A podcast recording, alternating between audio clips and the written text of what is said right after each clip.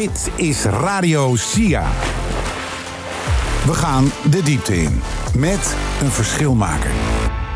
Ja, en in dit gesprek gaan we op zoek naar het antwoord op de vraag: hoe maakt de raakgenomineerde circulaire bedrijfsvoering het verschil?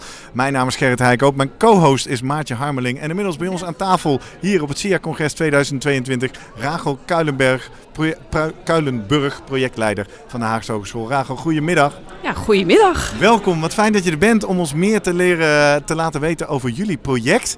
Voordat we de diepte ingaan over wat jullie precies opgeleverd hebben of gedaan, ben ik altijd eerst benieuwd naar het waarom. En jullie naam van het project Circulaire Bedrijfsvoering geeft het al redelijk weg. Maar aan welke maatschappelijke uitdaging willen jullie een bijdrage leveren? Nou, wij willen een uitdaging, uh, ja, een bijdrage leveren aan uh, de bedrijfsvoering van de Rijksoverheid voordat ik uh, deze aan. een maatschappelijke uitdaging. Dat is een hele maatschappelijke uitdaging. want uh, nou ja, de Rijksoverheid koopt jaarlijks voor 10 miljard euro aan grondstoffen in. Ja. En ik heb voor dit uh, traject heb ik, deed ik al onderzoek bij dienst justitiële inrichtingen naar schoonmaak en detentie. En elke keer als ik dan in die gebouwen kwam, en trouwens ook als stagebegeleider in ministeries, dan zie je zoveel verspilling. Hmm. En eigenlijk toen dacht ik, nou ja, wat je niet inkoopt kan je niet verspillen. Volgens mij zit daar een enorme sleutel.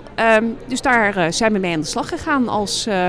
Nou ja, voor die circulaire bedrijfsvoering in de Rijksoverheid. Ja, wat mooi. We gingen eerder hier op Radio C in gesprek uh, met, uh, met Jury. Uh, oh, nu blik ik out. Van de Steenhoven. Ja, Jury ja. van Steenhoven. Ik dacht, ik moet het niet fout zeggen. En toen hadden we het ook over wat praktijkgericht onderzoek is. En dat is precies dit, hè? Je staat in de praktijk, je ziet wat. Wat hebben jullie precies gedaan? Nou, mijn plan was uh, in februari 2020 om te starten met inkopers van de Rijksoverheid. Om die echt te gaan interviewen, uh, focusgroepen. Nou, we hadden een heel plan. Alleen toen werd het maart 2020 en ja. toen zaten we in één keer thuis en al die ministeries waren gesloten. Um, en toen zijn we eigenlijk uh, binnen de gevangenissen, want die zijn altijd open. Ja, um, gestart niet, maar ja. ja. aan de achterkant uh, met het afval. En um, we hebben daar uh, 0, 100% metingen gedaan. Dus met studenten zijn we naar die gevangenissen gegaan. Uh, al het vuilnis hebben we ondersteboven gekiept. En nagedacht, wat, ja, hoe zit dat vuilnis nou precies in elkaar? En van daaruit zijn we gaan kijken, want vuilnis was ooit grondstof. Of eigenlijk vuilnis is nog steeds een grondstofafval. Uh, van hoe zit dat nou in de bedrijfsvoering en op welk punt in nou ja, dat, uh, nou, wat er dus in zo'n gevangenis gebeurt, of in een ministerie of bij een hogeschool, wanneer wordt een grondstof nou in één keer afval? Mm-hmm. Uh, en dat hebben we eigenlijk van afval teruggeakkerd naar de inkoop. Toen zijn we natuurlijk wel weer met die inkopers gaan praten. Om te snappen van, nou beste inkoper, hoe kan jij nou het verschil maken in het grondstoffenverbruik?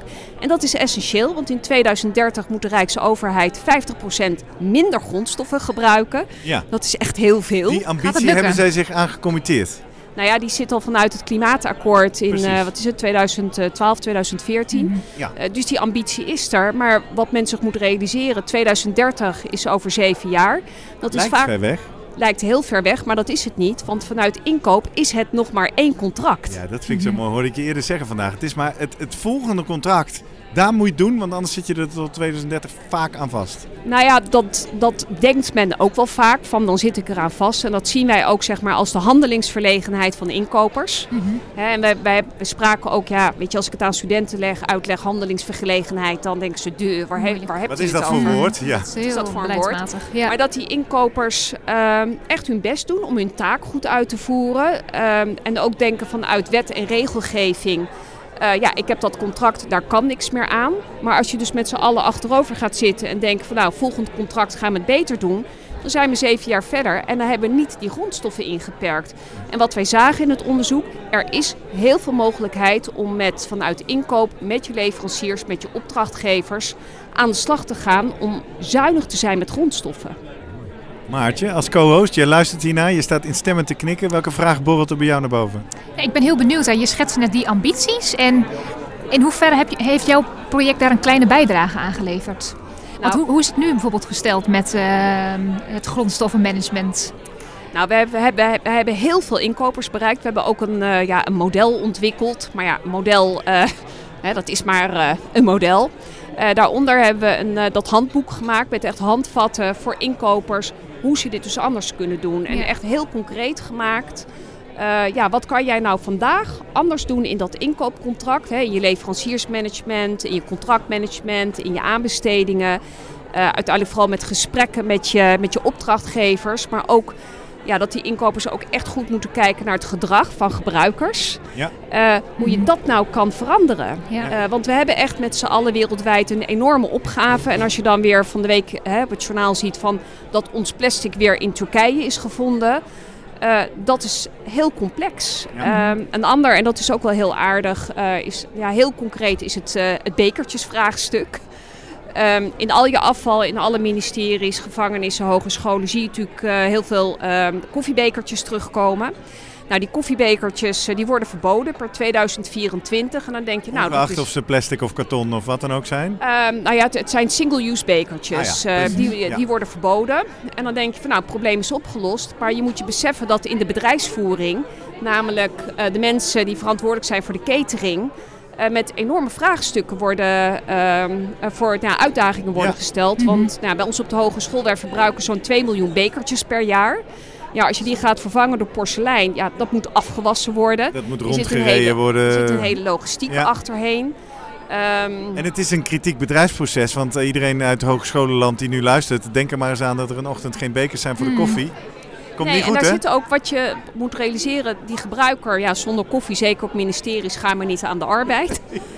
Um, als je het anders doet, er zit ook een contract aan vast. Uh, bij ons op de hogeschool ja. hebben wij ook een, een koffieleveranciers die leveren van die vending machines. Ja, dat contract, als in één keer zeg maar de aantal consumpties van koffie verandert, of er moet een veel hogere prijs betaald worden omdat we een ander soort bekertje hebben, ja, dat heeft heel veel effect op die economische verdienmodellen. Dus daar hebben we ook met die studenten en met nou ja, het werkveld, de, de praktijk, echt nagedacht van wat, is nou, wat betekent nou die verandering? Uh, en hoe kunnen we nou die verandering zodanig nou ja, uh, grip op krijgen, dus handvatten, dat je die beroepspraktijk helpt. Mhm. En ja, wat ik echt tof vind, is dat we dat in samenspraak met het onderwijs hebben gedaan. Ik heb heel veel studenten van heel veel verschillende opleidingen, facility management, communicatie, HBO, ICT, IPO-studenten. Uh, om daar met die studenten de verbinding met het werkveld, met dat onderzoek, echt het verschil proberen te maken. Ja, mooi. En ik begreep ook dat jullie het MBO goed hebben betrokken, klopt dat? Ja, ja, ja dat, uh, we hebben een van de dingen die we hebben gedaan. Uh, ik heb niet alleen naar afval zitten graaien. We hebben ook een uh, living lab op de hogeschool weten te creëren. Want je energieverbruik, je waterverbruik, je zeepverbruik, je toiletpapierverbruik zijn allemaal grondstoffen. Dus we hebben een uh, soort stuk uh, gebouw weten te realiseren. Ook afvalbakken. Het is een term um, die je niet zo vaak hoort, maar ik kan wat Engels. Een be-censored stuk gebouw. Dus daar kon je met sensoren allerlei dingen meten. Ja, we hebben, nou ja, um, gigantisch veel sensoren. Ja, een beetje een overkill. Hè. Het is niet heel goed voor uh, je grondstofmanagement. Nee, maar wel um, voor het meten. Maar we kunnen heel veel meten. Ook de vulgraad van vuilnisbakken meten we op dit ogenblik. En uh, ik heb daar een, een, beetje extra geld gevonden naast het uh, Raxia-budget.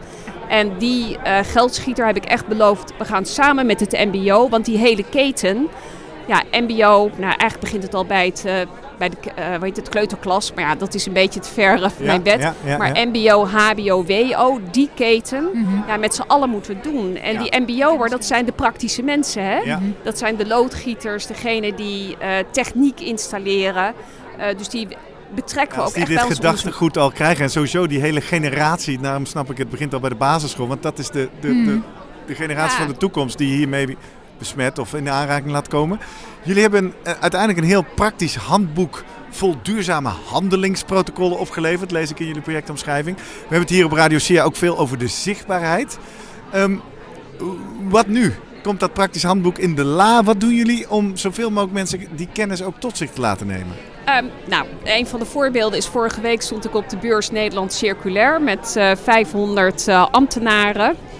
Um, en wat we daar hebben gedaan, en dat ja, vind ik echt super tof. Um, er is een lied gemaakt door een, uh, ja, uh, een componist ja. over de airladder. Over ons, ja, het thema gaat helemaal air-model. Ja. Um, dus vorige week ben ik echt met de ambtenaren gaan zingen.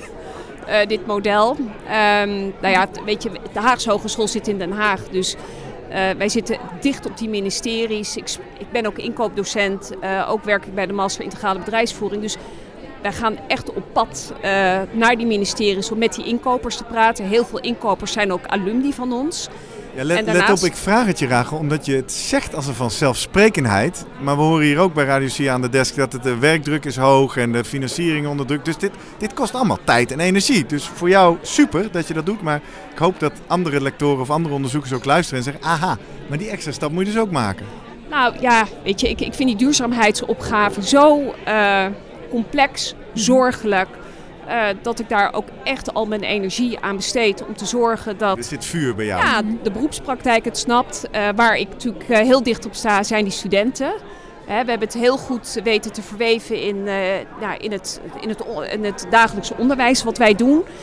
want die student van vandaag is de inkoper van morgen, is de facility manager van morgen. dus ik probeer enerzijds de bestaande beroepspraktijk echt te besmetten en nou ja, enthousiast te maken voor wat we gedaan hebben. Maar mijn verschilmaker zit echt in die student. Ja. Die vandaag bij mij studeert. Uh, en die neemt het mee naar de beroepspraktijk. Dus vandaar dat ik ja, echt uh, Raaksia eeuwig dankbaar ben dat zij ons dat geld hebben gegund om dit te gaan doen.